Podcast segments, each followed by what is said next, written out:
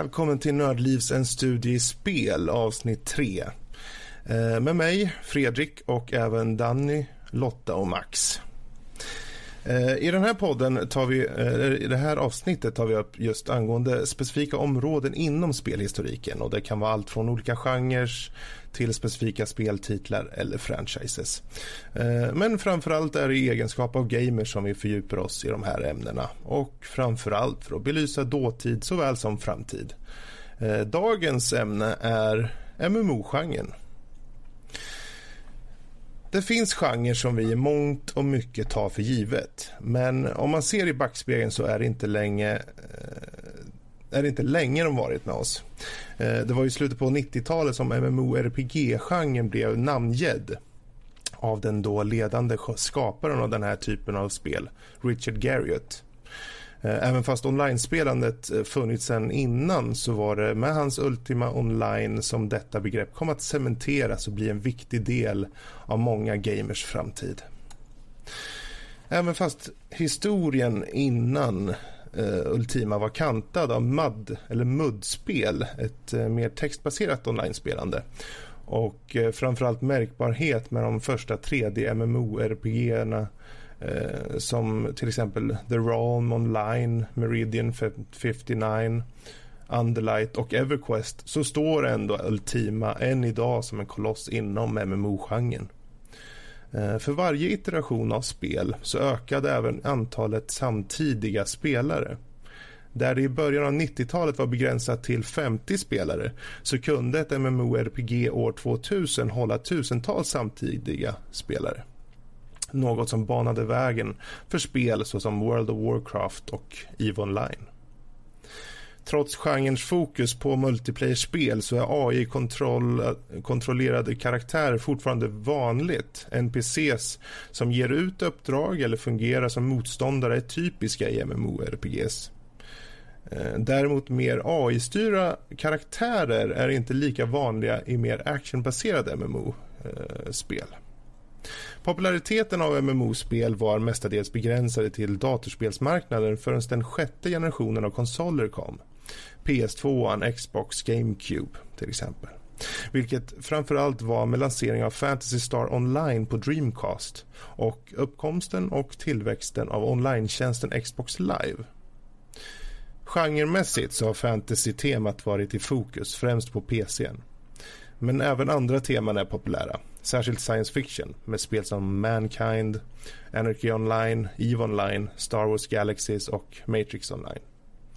Men det var med 2004 års release av MMO-spelet World of Warcraft som MMO-genren ytterligare cementerar sig själv som en av de största spelgenrerna med sina uppåt 8 till 9 miljoner månatliga abonnenter världen över. Och även fast WoW sakta men säkert tappat användare de senaste åren så står det ändå kvar som en gigant på MMO-spelens himmel. Som avslutning då, MMO-spelens bana på, från enkla muddbaserade textäventyr gömda bakom ett myller av hemsidor till World of Warcrafts enorma världar med miljoner spelare. En resa som skett bara de senaste 10-15 åren. Med miljarder dollar i omsättning och spelare som hela tiden kommer tillbaka är MMO-spelen verkligen en självklar genre. Så där står vi nu. Vi står alltså med MMO-spelen eh, i högsta hugg här och eh, jag tänker som så att vi hoppar vidare in i det som är lite diskussion kring det här då. Och eh, då tar vi lite hjälp av Max och Lotta och Danny. Och första frågan är just eh, för er då. Eh, har ni något särskilt MMO-spel som fick er att upptäcka genren och framförallt komma på det att ja, men det här det har ju potential? Lotta? Eh, ja, för min del, jag började väl spela lite, och det här var evigheter sedan, eh, lite RuneScape. Mm. Eh, som var ett eh, webbläsar-MMO. Okej. Okay. Eh, jag tror att det fortfarande lever och frodas idag, men det är mm, helt säker. Mm. Eh, och det här var ju alltså för ja, mer än tio år sedan. Eh, mm. Vi pratar kanske 15 år sedan någonting nu. Um, men uh, jag fastnade egentligen inte riktigt för det. Uh, det var, fanns lite för många ägg. Uh, okay. Utan det spelet som verkligen fångade mig det var ju World of Warcraft. Mm. När kom du först i där, kontakt med det då? Jag kom först i kontakt med det när det var i Vanilla. Mm. Alltså strax efter releasen då, 2004. Mm. Eh, och eh, det var min kära syster som lurade in mig i det fantastiska träsket. eh, jag, jag, kommer fortfarande ihåg min första karaktär. Det var en liten Tauren-druid mm. som hette Ragnarke. Som jag skapade på min systers konto.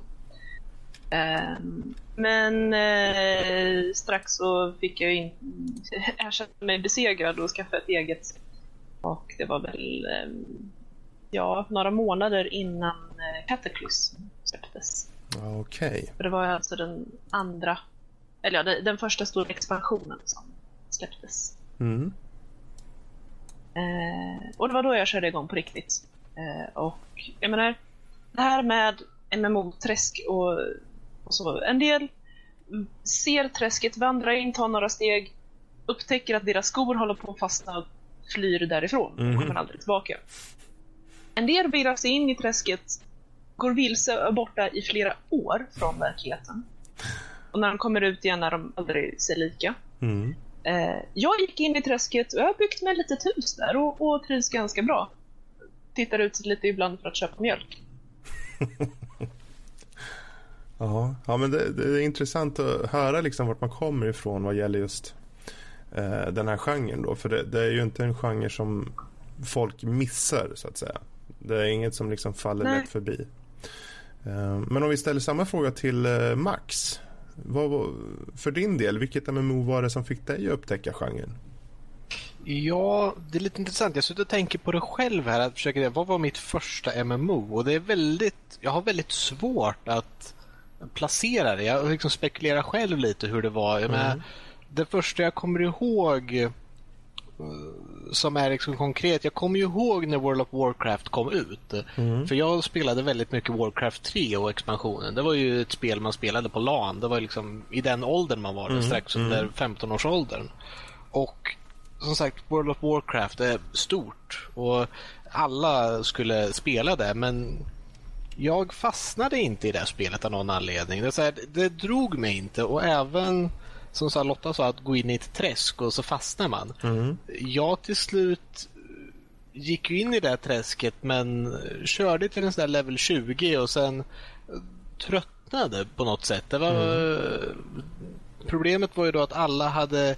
Jag hade ju missat den här hypen tänkte jag säga i början där alla kom in och körde tillsammans och kom in så efteråt. Mm. Att eh, det, det, var tomt. Det stod öde överallt. Det var, eh, alla var på högsta leveln och gjorde de roliga grejerna då. Och Det här var innan expansionen också. Mm. Så att jag, eh, jag var aldrig med på vad vi började men jag tror det var det första MMO jag hörde talas om mm. och såg trailers på. Men finns det något MMO som du känner att du började spela valfritt MMO nu och det var då som du kände att det här är ju verkligen bra shit. Det här förlorar jag mycket tid på. Det här kan jag inte sluta spela. Ja, vi har två spel. Mm.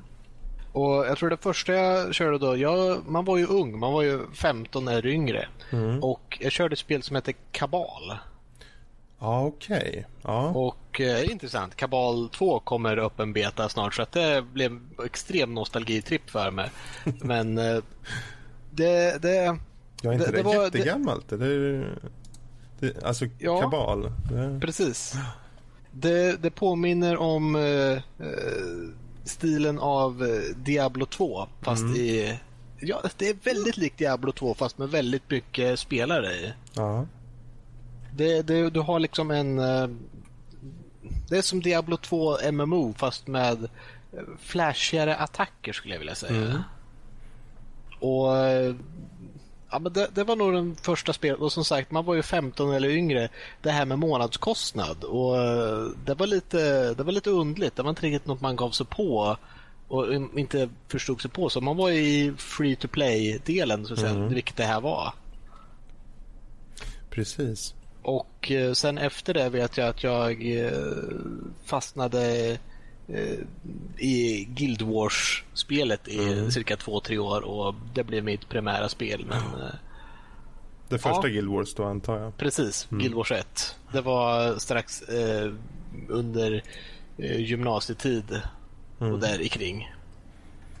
Intressant. Uh, jag vet inte för dig då Danny. Jag vet ju att du kanske inte är fullt ut en MMO-spelare men uh, du har ju säkerligen kommit i kontakt med det ett antal gånger. Uh, ja, det får vi väl säga att jag är ju absolut inte någon MMO-spelare. Jag har ju faktiskt inte spelat så mycket men det första nämndes ju här i din lilla uppläsning och det är ju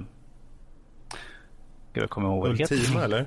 Nej, jag har inte spelat Ultima. Fantasy Star Online ah, okay. har ju faktiskt spelat lite granna och jag försöker komma på, det är något sånt där som jag spelade på i, uh, det var någon sån här gratis anime-liknande MMO mm. som jag spelade. Jag kan för tusan inte komma ihåg vad fan skiten hette. Sådär. Men det var något som jag spelade lite grann till och från. Så jag levlade upp en gubbe och på och lekte. Så det det var, jag kommer ihåg vi körde något. Men jag kommer inte ihåg vad det hette heller. Ge mig några detaljer. Jag har spelat alla. Väldigt japanskt var det bara. Och det är ju, det, det, det, om man ska gå efter det, då finns det en miljon mm. spel. Plus, plus att vi har, ju, vi har ju båda spelat Hellgate London. No? Ja, fast jag vet inte om man räknar det som MMO riktigt. Visst. Det, det är ju uppsatt som ett MMORPG. Ja, numera. Ja. Mm, mm. Den köptes Men, ju upp äh, i Kina och körs där via nu. Mm. Men utöver det så har det inte blivit så mycket MMO. Det senaste är ju Warframe som räknas lite grann som MMO. Mm, mm. Och jag har ju Destiny räknas lite grann som MMO har jag testat lite granna. Eh, men det är ingenting som...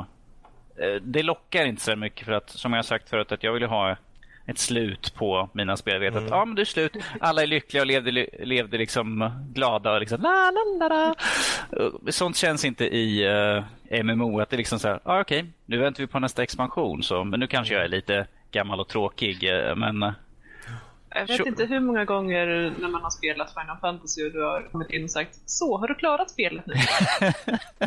det, där, det där är en återkommande som vi alltid säger. Men att vi, vi kommer ju köra Final Fantasy som eh, ett Precis. veckans spel. Vi får se vad du tycker om det då.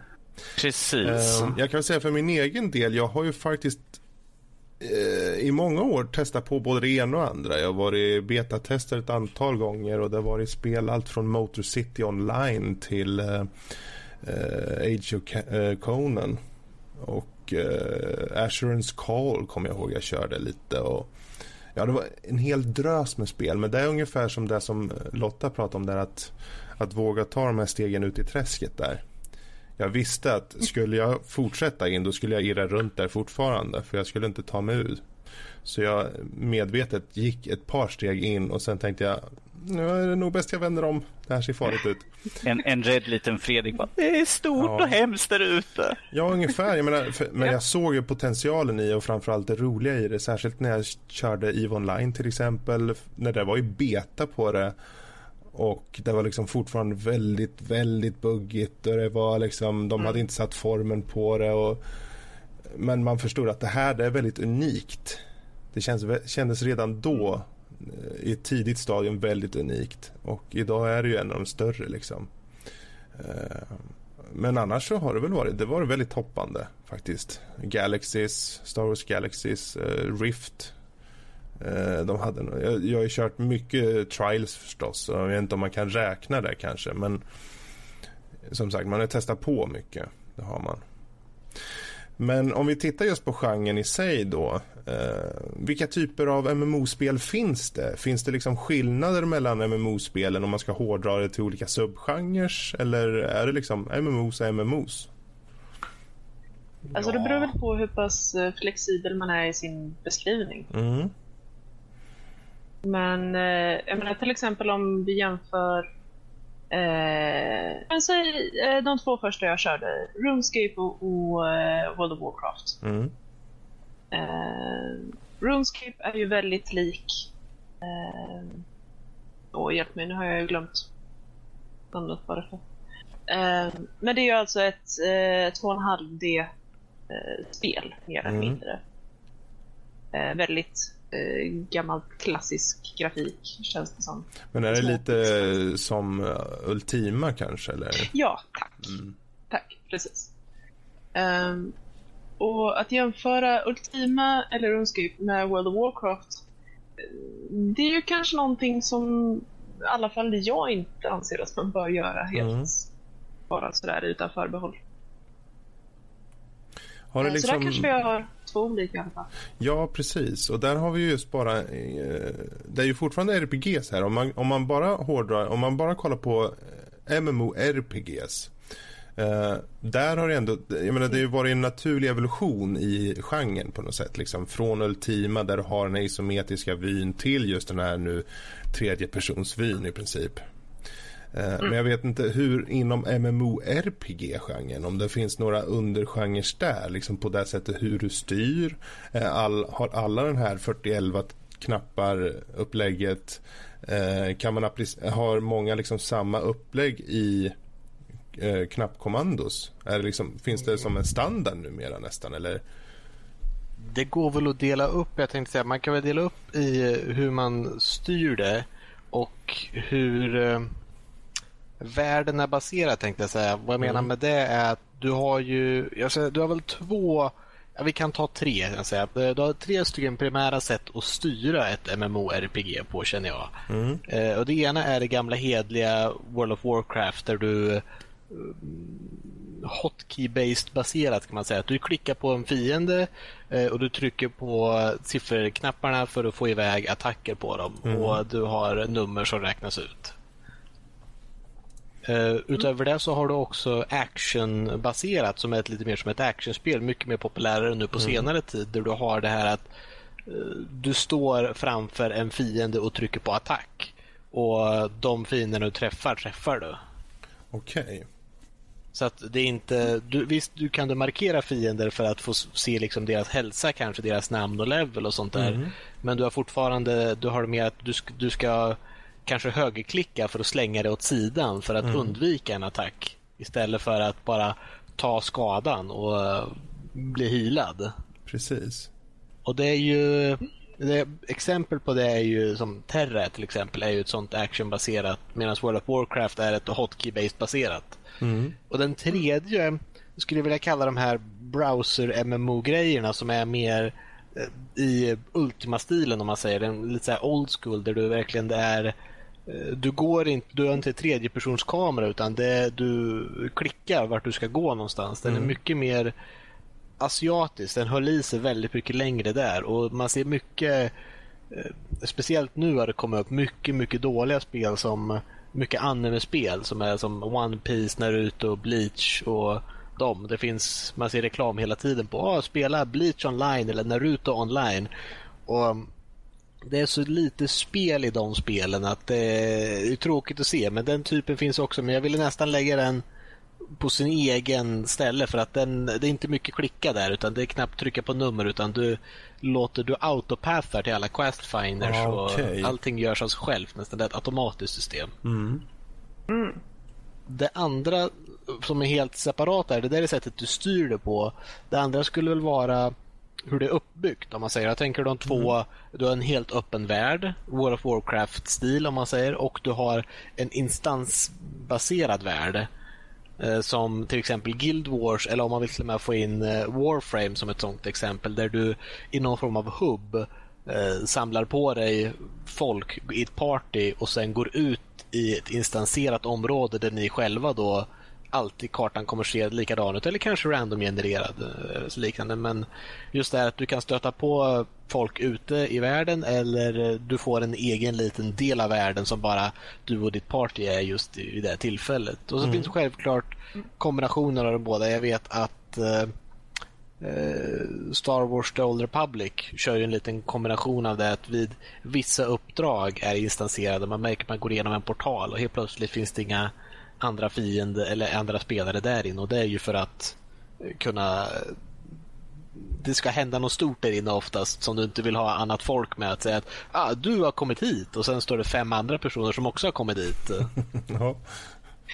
Det är samma sak i uh, Star Wars och Republic och uh, vissa av expansionerna i WoW också beroende på var i berättelsen man är. Mm. Ja, det är intressant för där har det faktiskt kunnat nar narrow it down om man så säger till just eh, olika eh, nästan subgenrer eller olika typer rättare sagt av MMOs och eh, i det här fallet RPG då kanske mer. Um, jag kommer bara tänka på just, jag kommer ihåg när Age of Conan kom och det var så extremt hypat då innan. Mm. Eh, dels på grund av att det skulle ha en, ett stridssystem som då var helt wow, tänkte alla. För det var ju mer um, area of effect, det vill säga där du träffade, där mm. träffade du verkligen. Mm. Uh, och du skulle verkligen sköta själva fightingen uh, nästan som i ett fightingspel på det sättet att du gjorde kombinationer och olika knapptryckningar och så vidare. och så vidare. Mm. Och man har ju sett många spel försöka att göra liksom utveckling på genren i stridssystemet framför allt känns det som.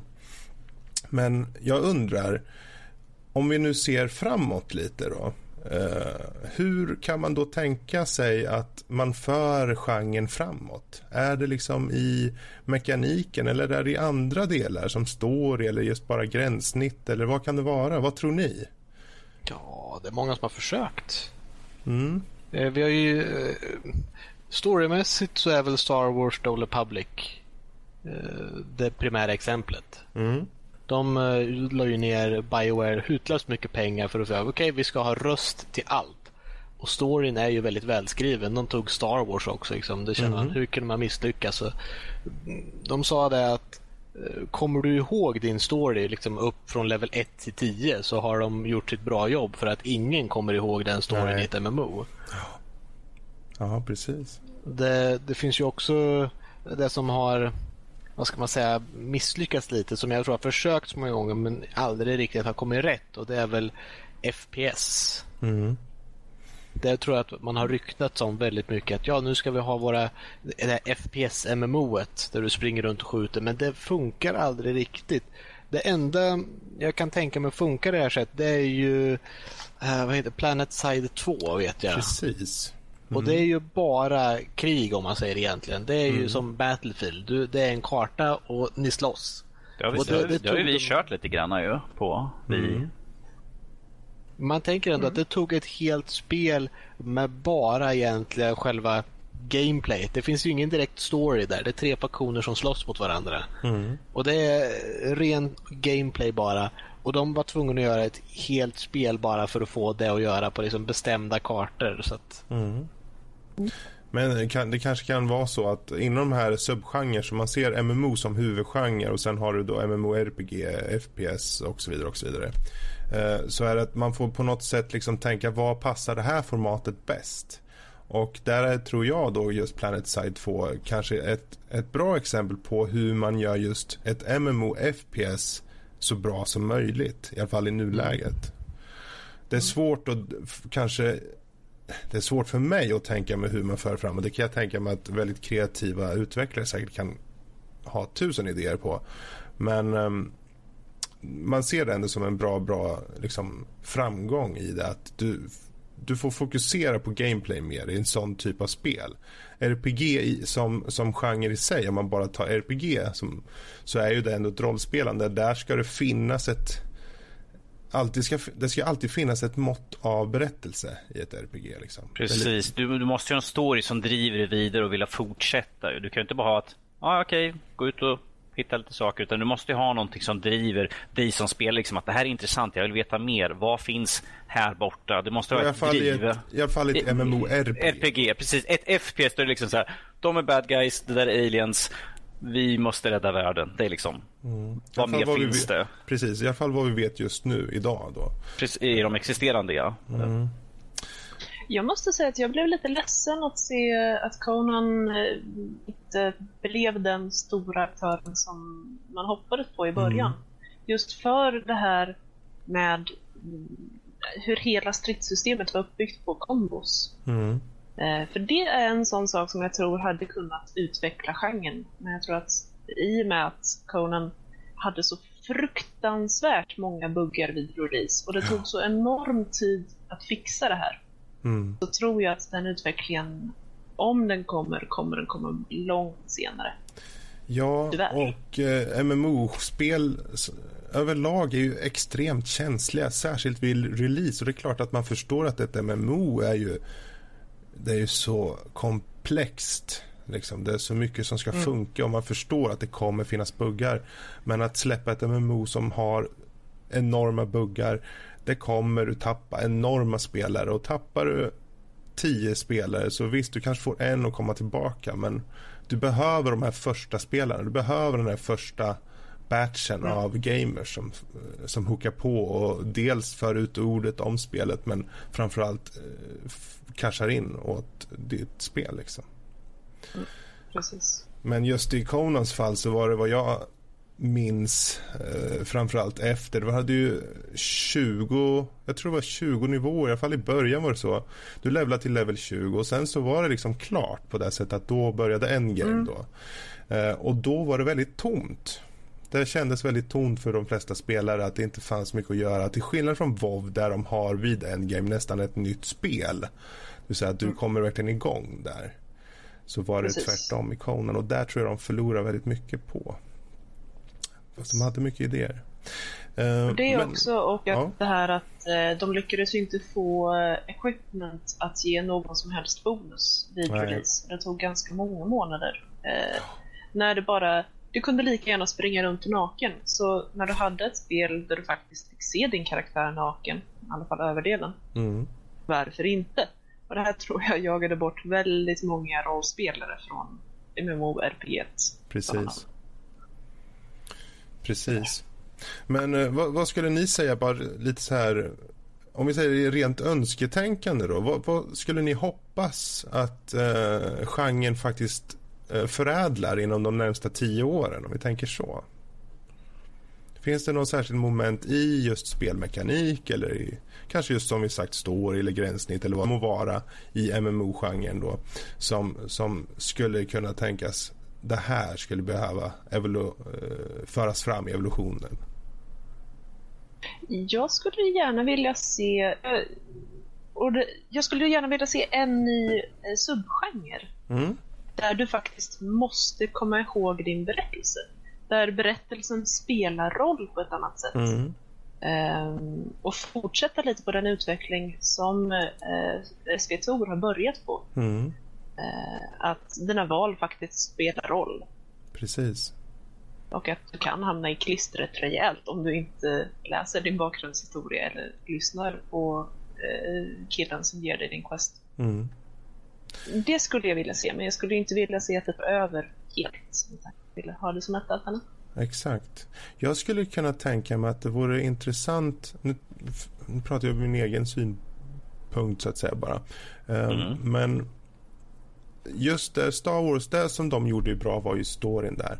Men det kändes som att det blev såna intervaller från det att du fick till dig storyn till att du levlade och det tog x antal timmar för man kanske inte gick direkt till nästa storyläge utan du gick till de här små questsen kanske.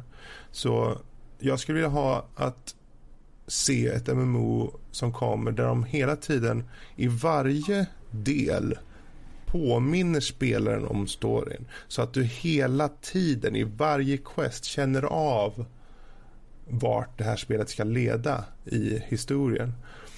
Um, för det blir lite så här om du sitter med ett spel och du får till dig en story i första timman och sen ska du i mitt fall körde jag tutorial efter det och sen så ska jag grinda och komma upp i nivå och, och sen kommer jag upp till, säg att jag kommer upp till level 20 det är klart att då kanske det har gått 50 timmar exempelvis.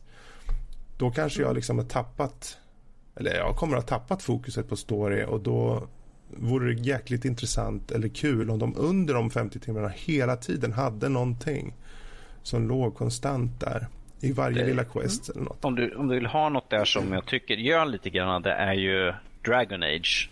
För att alla sådana sidequests som du gör, eh, hjälper ju Inquisition hela tiden. Att ifall du går och hjälper dem här, de ger dig ditt stöd och de bara liksom, ja ah, men vi trodde att ni var liksom bad guys, men vi ser nu att ni är att lita på. Så det är alltid, allt du gör i sidequesten och sånt eh, tillför ju till mm. din storyline och The Inquisition. Att liksom, okej, okay, vi hjälper er med det här. Ni har vårt stöd bakom er.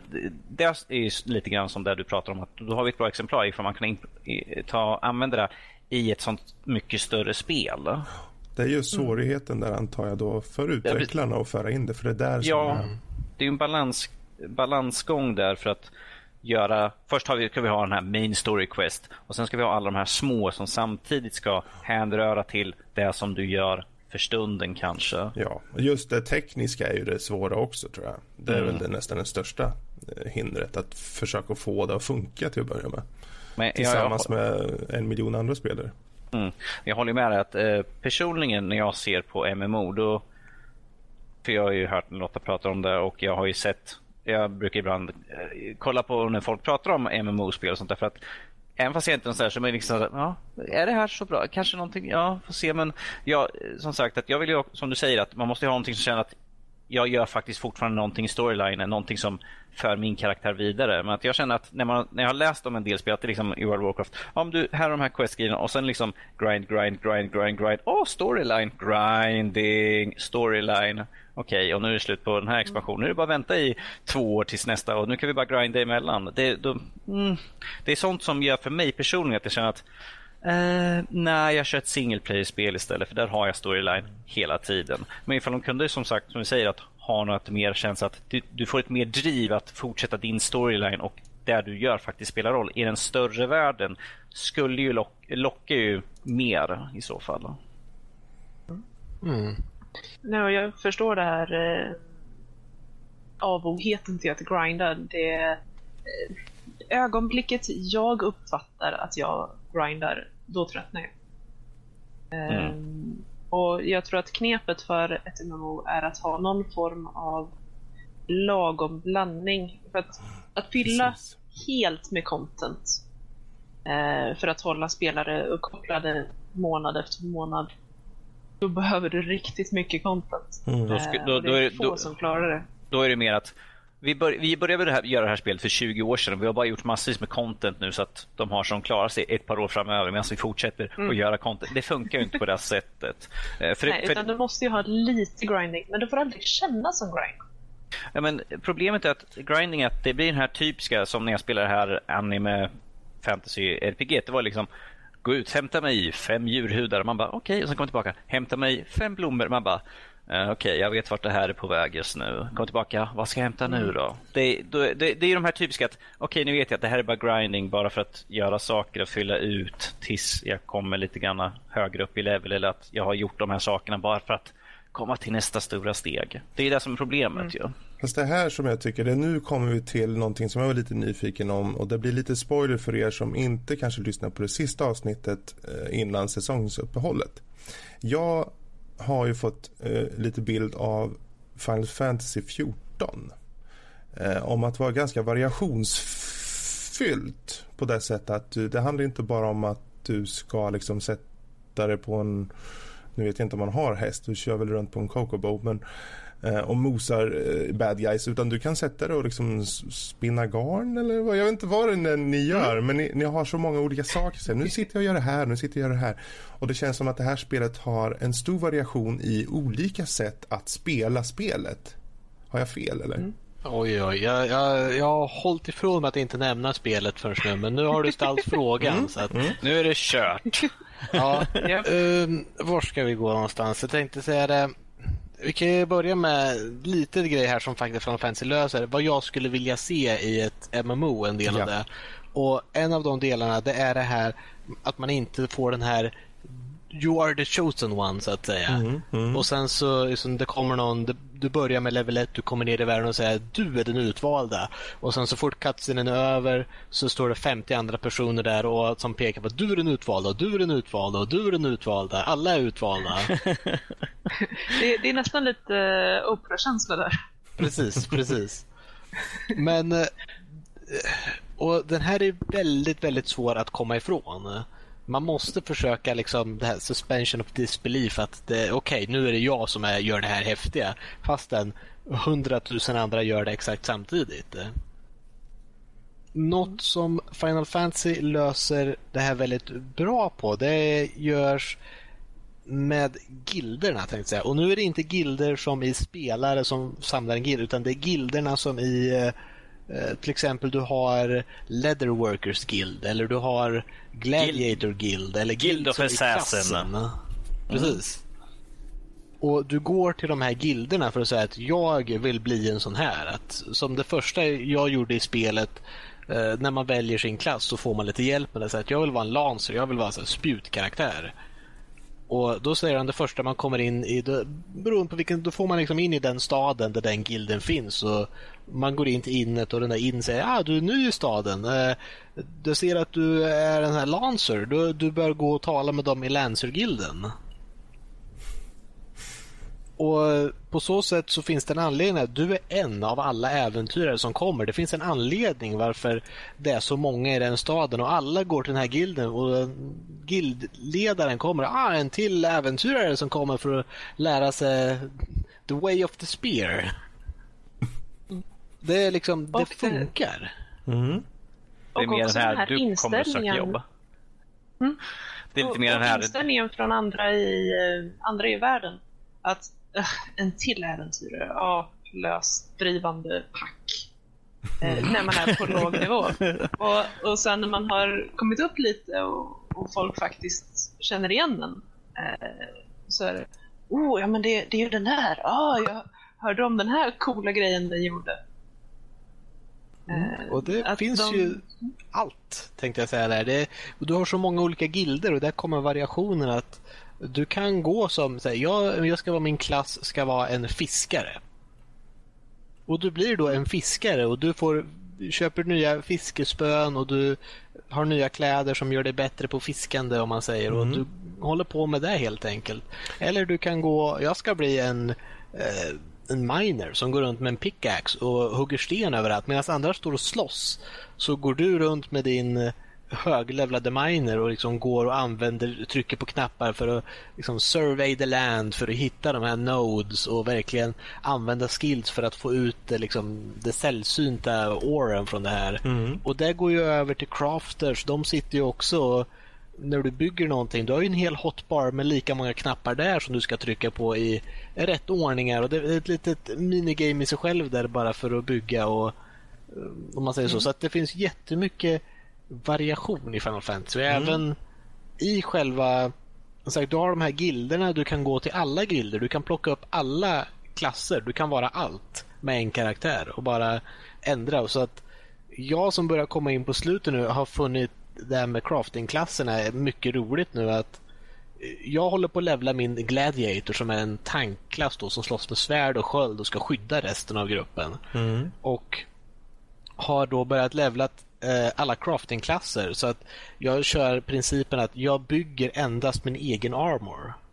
Mm. Och den blir ju tillräckligt bra för att vara riktigt bra. Cool. Man kan ju få högkvalitet armor. Om du är tillräckligt duktig så får du en bättre version av den så att säga. Mm. Och på så sätt säga, och jag tänker inte sluta förrän jag har fått high quality full armor för mitt level om man säger. Mm. Så att då levlar du och försöker få fram det och sen kan du då equippa det på den här gladiatorn som jag har då och springa ut och slåss med den och tänka, ah, gud vad bra, jag har det blir en helt annan känsla att jag har byggt hela den här karaktären själv verkligen. Precis.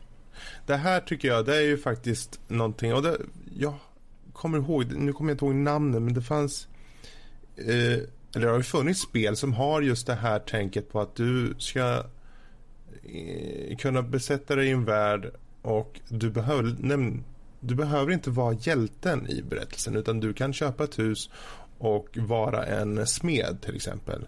Mm. Eh, men det som känns här är att de verkligen har eh, dragit det till sin spets på något sätt. Eh, i Final Fantasy 14. Och det, det, är ett spel som vi än en gång vi kommer gå tillbaka till här och det kommer bli väldigt intressant att ta itu med det här spelet. Uh, och, men det som jag har sett gör att i alla fall, jag tycker det har en variation som jag tycker det ska bli intressant att ta itu med faktiskt. Um, mm.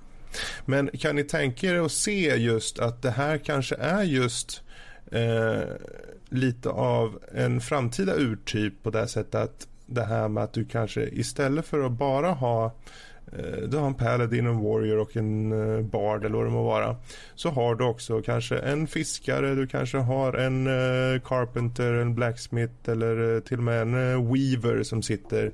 Att det blir nästan mer som standard. eller vad, vad, tror ni? Man skulle kunna hoppas. Mm. Ja, man kan hoppas. Det vore häftigt men jag tror att det ligger väldigt långt bak för att väldigt många spelar ju bara för att slåss och mm. skapa de här stora vackra likhögarna runt omkring sig. Mm. Um, och, och det, det, det, är något vi vet att både du och Max inte är för. Jag, jag, vi har suttit ju som sagt här på Teamspeaken medan ni har suttit och spelat så hör man så här Max, har, har, har, du någonting, har du några tygbitar eller något sånt där? Han bara, jag kan fixa några åt dig. Och sen säger du, Snart klart. Mm. Nu har jag, jag har gjort det. Hon bara, tack så mycket. Förresten kan du göra det här? Så det tycker jag är lite intressant. Man bara, okej, okay, det är inte liksom, har du slagit ihjäl det här monstret? Ja, oh, gud, ett slag. Och nu är det liksom så, jag fixar det. Jag tar och sitter och, du, du, du, du, här, klar. mm, det kan vara andra saker som att vi sitter och, eh, jag lyckades ju få min jäkla fågel rosa. Så jag måste, då måste jag gå till vårt hus som är köpt för våran, eh, våran klan, om man säger uh, Free Company som det heter i eh, Final Fantasy 14. Som är vår lilla, lilla, lilla, grupp samlade och spelare där. Vårt hus som vi har slavat ihop och köpt och alla troféer. Jag menar, en carpenter kan ju självklart göra möbler. Mm. Mm. Självfallet. Så att väggar och, och tak och sånt. Precis, och då kan man bygga möbler och ställa där inne som man vill. Och eh, där ute har vi även en liten gård med lite lite plantage tänkte jag säga nästan, där du kan så frön.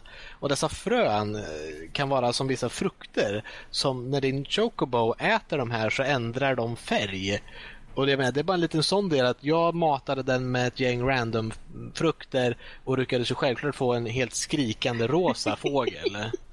Den är jättesöt och så helt den dum dessutom. Självklart. ja. det är jätteintressant Då... faktiskt. Mm. Tänkte du säga något mer? Nej, det är bara att säga då får man gå så mer frön och köpa på sig mer frukter och trycka i den där fågeln tills den ändrar färg. Mm. Eller blir riktigt fet. Det finns också. uh, däremot för att återgå till det här om, uh, om du tror att det blir vanligt att ha andra klasser, alltså mm. icke-fighting-klasser som är klasser. Uh, det tror jag inte kommer hända på länge. Däremot, i och med det här att det blir mer och mer vanligt att ha account-wide eh, bank till exempel eller account-wide mailbox eh, och så vidare. Vad innebär det? Eh, att eh, alla dina karaktärer på en och samma server delar bankutrymme eller väskutrymme okay. eller mm. brev och så vidare. Um, Gemensam och, inventory helt enkelt bara. Ja, precis.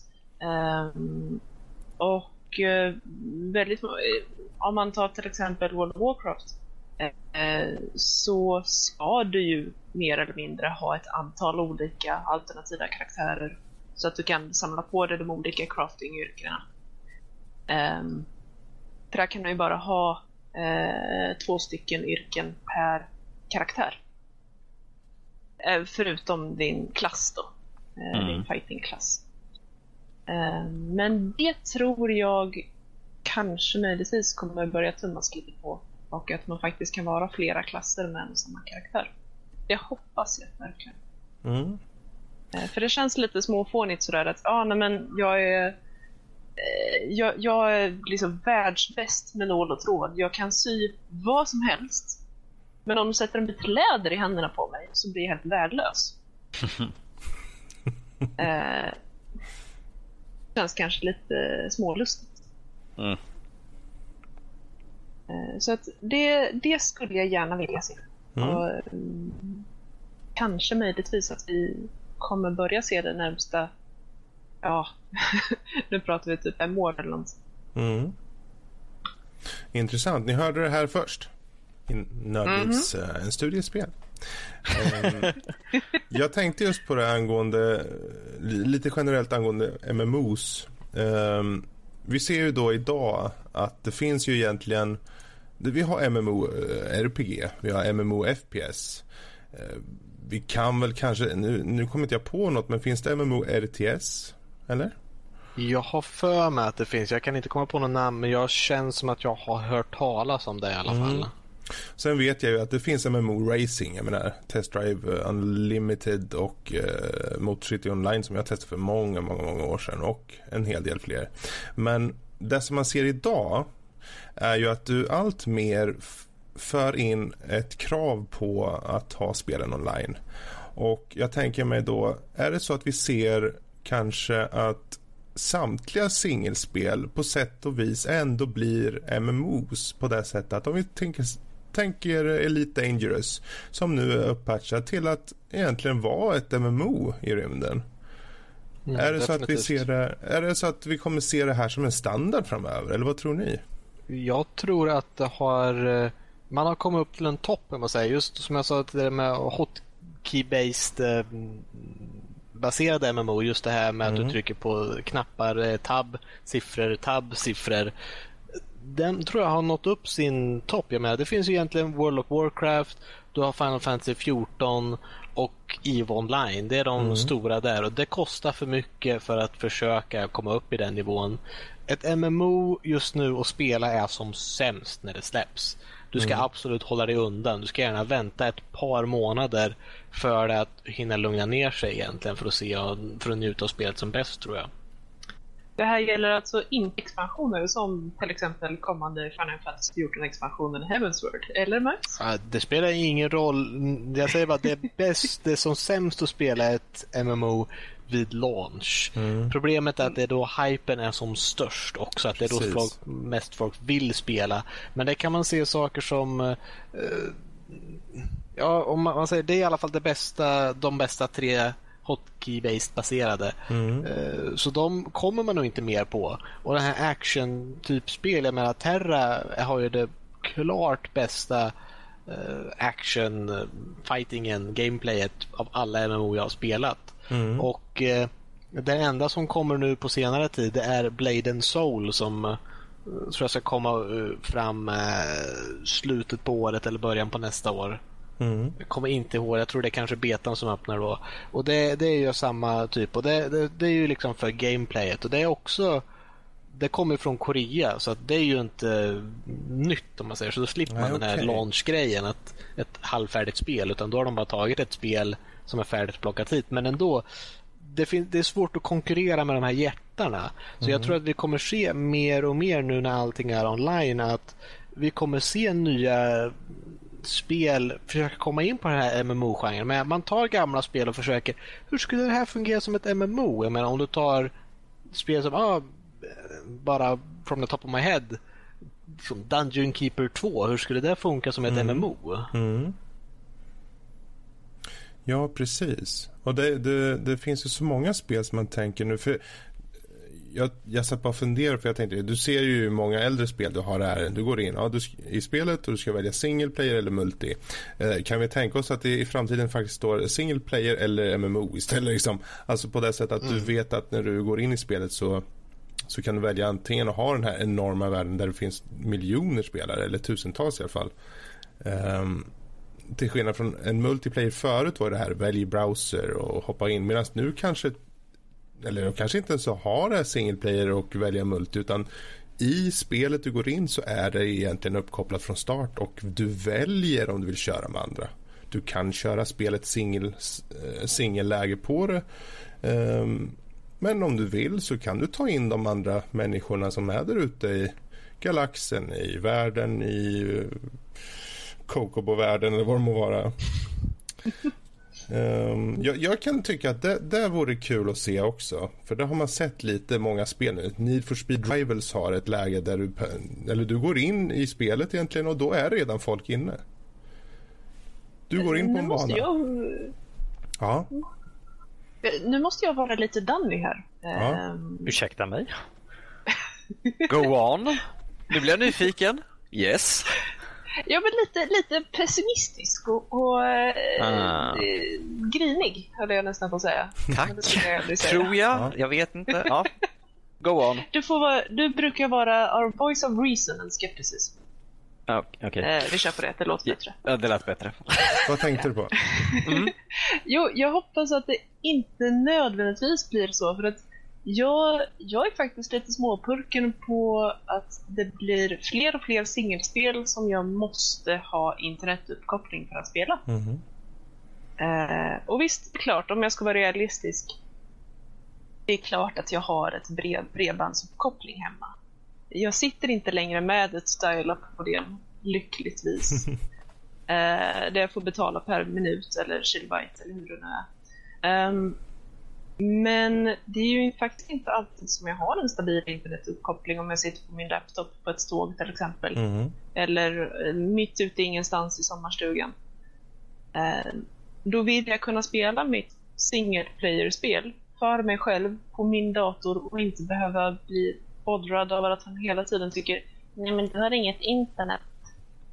Nu, nu kan jag få bryta in lite grann. Det, äh, bryta in lite grann. Det här är exakt samma problem som äh, Microsoft hade när de, när de skulle utannonsera Bonen. Ju, att, ja, men ni måste alltid vara uppkopplade och sånt där. Och det blir en sån backlash på det att Precis. de bara, nej, ni behöver inte för att då hade, när, de, när de föreslog det skulle, man, skulle de vara nödda att känna av liksom en gång per dygn att ja, mm. du är uppkopplad, vad bra, då kan du fortsätta spela. Men ifall man inte råkade vara uppkopplad när den checkade, då tog den nästa dag. Då kunde du inte spela. Ju. Så fick du vänta tills den kände av. Och det är ju helt fel för att jag, som, ja, jag håller med åt att jag, ifall jag vill spela ett single player-spel så vill du kunna göra utan att... Jag har också ett fetband så att ifall det skulle vara det måste alltid vara online. Egentligen skulle inte det bry, röra mig i ryggen sådär, men att jag vill kunna sätta mig, ifall jag sätter mig på Xboxen, bara dra ur internet på den, så sätter mig och spelar i godan ro utan att tänka så här, oh, det har gått tio minuter, jag måste plugga in den igen så jag, kan, så jag, så jag får fortsätta spela. Det känns ju onödigt. Alltså, sure, jag kan mm. se att det finns, att ifall de har som en feature att om du vill så kan du alltid vara inkopplad, men det, får, det måste vara det ska vara ett val då. Okej, okay, jag klickar i den att sure, folk kan hoppa in eller liksom jag kan hoppa in i andra folk, men att det ska vara ett val där, inte att du mm. måste. Mm. Ja, jag försökte mer där liksom på något sätt så objektivt som möjligt försöka tänka vad, vad, kan driva fram en utveckling som gör att vi kanske implementerar det med MMO-genren i singelspelen. Och då säger jag inte alla spel, det är klart det kommer mm. finnas singelspel. Men det är intressant att se vad framtiden har eh, i sitt sköte och det är just att man har sett att utvecklingen har ändå gått åt det hållet. Och jag tror inte den utvecklingen kommer stanna utan vi får nog leva med det. Utan vi får försöka att tänka hur gör utvecklaren det här på det bästa möjliga sättet? Um, och eh, jag kan tycka att de spel som har kommit ut där de har på något sätt tagit i användning av det här att du måste vara konstant uppkopplad och försöka faktiskt använda det till sin fördel istället. Som uh, Need for Speed Drivers där du hoppar in i spel. Du väljer att köra själv. Om du vill köra mm. själv så kör du själv. Men um... i världen så befinner det sig ett antal spelare som kör sina race. Om du träffar på dem och du vill utmana dem, då gör du det. De kan vara mm. poliser, de kan vara baddies. Um, det, här är, det här är lite grann som uh, vi har i Escape, äh, inte Escape utan Dead Island. Där har du att du kan ha att folk kan hoppa in. Ifall de är i närheten där du är samtidigt så kan man skicka en så invite att får jag hoppa med och spela i ditt spel? Då kan man säga så här, sure, varför inte? Så kan de hoppa in och så kan man spela ihop och sen när de tröttnar så klickar de bara liksom att ja, koppla ifrån mig den här så fortsätter man i sitt egna spel. Uh, sånt kan jag ju se uh, lite mer intressant faktiskt. Att mm okej, det är en av mina polare, han kan väl hoppa med. Den här har jag spelat med förut och han, han var rätt kul och liksom snacka med och vi, vi spelade bra. Det skulle vara intressant, men inte att det är påtvingat. Det är kul som du sa där i, i att liksom, du kanske stöter på någon och sen kan man ju köra ihop. Ja, det kan jag, jag se. tänker just på... Ja, förlåt. Kör. Ja, nej, jag tänkte också att man, det är tydligt att MMO-genren eh, i största grad är på gång. Eh, bland annat med de här exemplen som Max nämnde i början med Naruto online och, mm. och alla de här kanske inte riktigt lika välgjorda eller påkostade spelen. How dare you? jag höll på att säga skitspel, men det skulle jag aldrig göra. Nej, nej, nej. Ehm, bland annat för att jag faktiskt inte har spelat dem. Men eh, det är väl ett tecken på just eh, som du kanske är ute efter lite Fredrik, att eh, det kan möjligtvis bli en MMOisering eh, av single player-spel. Eh, och inte möjligtvis också att det blir en MMO-version som släpps eh, mm. separat från den vanliga versionen, mm. alternativt eh, ihopbakat. Precis. Eh, det, det tror jag inte alls är helt främmande. Exakt, för just i grunden så vad gäller just MMO så är det ju till skillnad från det som betecknades som multiplayer förr, det vill säga du hoppar in i en match oftast och körde. Då var det liksom, det var du mot de andra. Medan på MMO så är väl egentligen den fundamentala grunden att du ska träffa andra, du ska socialisera med andra. Du ska mm. hjälpas åt tillsammans med andra och lösa uppdrag och så vidare och så vidare. Och det är just den aspekten som blir allt mer intressant att se de föra in i mer vanliga typer av spel då. Men slutligen då, om vi nu ska gå till eh, spelen i sig då. Om man ska tipsa om spel inom MMO-genren. Eh, dels för någonting som är bra för kanske en nybörjare men också något spel som eventuellt kan ha missats för de mer hardcore-spelande MMO-spelarna. Vilka skulle ni tipsa om att spela i så fall? Gissa. Ska jag gissa? Naruto online. Ja, ja det hade det. Jag kan ju säga det, för de som vill ha ett MMO med bra story, bra gameplay, med bättre gameplay som kommer. Eh, det är Final Fantasy 14 helt enkelt. Mm. Menar, Final Fantasy-serien, det är många Final Fantasy-folk som kom in på det som nya. Så att det är, det är ett klassiskt MMO. Mm. Men det är så robust och det har allting som eh, all, alla hjälpmedel som hjälper dig som liksom förklarar för dig första gången. Ja, du ska in i din första instans. Din första dungeon. Mm. Du kommer baseras i ett party som är en tank, en healer och två DPS. Så här är det hur det här funkar. Det här är vad du bör göra i din roll. Det lär upp dig. Och den har jättebra system för att ja, jag ser att du är en ny spelare därför eh, ger vi bonus så att mer erfarna spelare vill hjälpa dig. Mm. Samt att det finns den här super super elit svåra raidsen så att säga. Så att de som är hardcore-spelare har verkligen någonting att ta tag i uppe på toppen. Mm. Jättebra.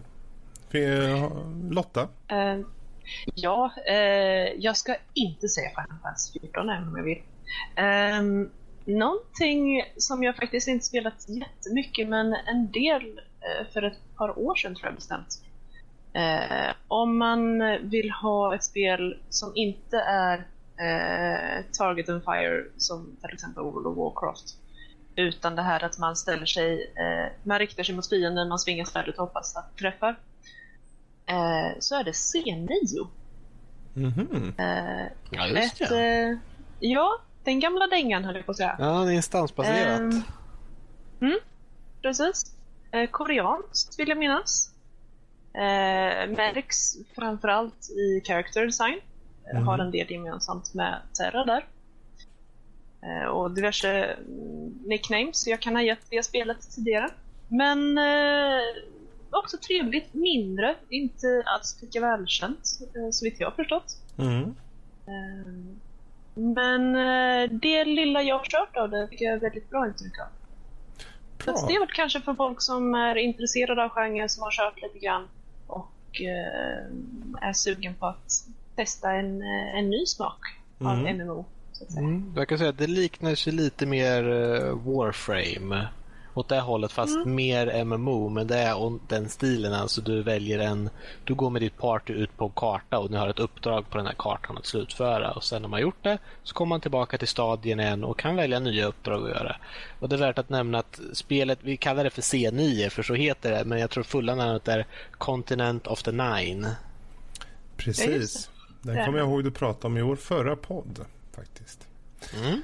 Um, mm. Och jag kan väl säga för min del, det finns ju många spel där ute. Jag skulle vilja egentligen uh, Först och främst har vi ju World of Warcraft såklart som är ett spel som många kan mm. ta som en, en nybörjare och faktiskt ta sig an och där har du en bra representation av genren. Um, sen så, nu har inte jag spelat den så mycket men jag antar att uh, ni två filurer har det. Uh, och jag tycker det ser väldigt intressant ut. Arc Age. Um, mm. Är det inte gratis till och med? Alltså, är det inte free to play? Eh, pay to win tänkte jag säga. Det är pay to win. ja. Det är gratis men med pengar så kan du få väldigt mycket fördelar. Okej. Okay. Men där har man i alla fall ett spel som till synes ser väldigt fint ut och kan vara kul att mm. som bara för skoj ta sig an och köra en sväng. Uh, och likaså Planet Side 2 som du faktiskt sa förut. Uh, med det sagt så, jag vet inte Danny, kanske du har något litet tips också eller? ja, just MMO-spelaren uh, mm. ger tips här. Uh, nej, jag, jag, jag, säger bara så här. Om man vill testa någonting, ta något av de, de större spelen. För att de har ju som sagt fått ner det att det funkar och så istället för att ta och testa bara första bästa ut på nätet. Det är lika bra att ta på och köpa det ordentligt. Och vi har ju till exempel Final Fantasy har ju var det 14 dagar gratis man kunde testa på. Mm. Uh, så där har ju det, det är ju bra. Du kan testa på i två veckor och sen som sagt, det, vad jag har hört av Max och Lotta prata så är det en väldigt bra community och folk hjälper till om man kommer in och säger så jag är ny här, jag vet inte riktigt vad jag gör. Så hjälper de uppenbarligen till väldigt bra. Mm. Så det, det, är ju så Final Fantasy 14 är i så fall rekommendera för jag, bara, jag har bara hört bra saker om det. Um. Perfekt.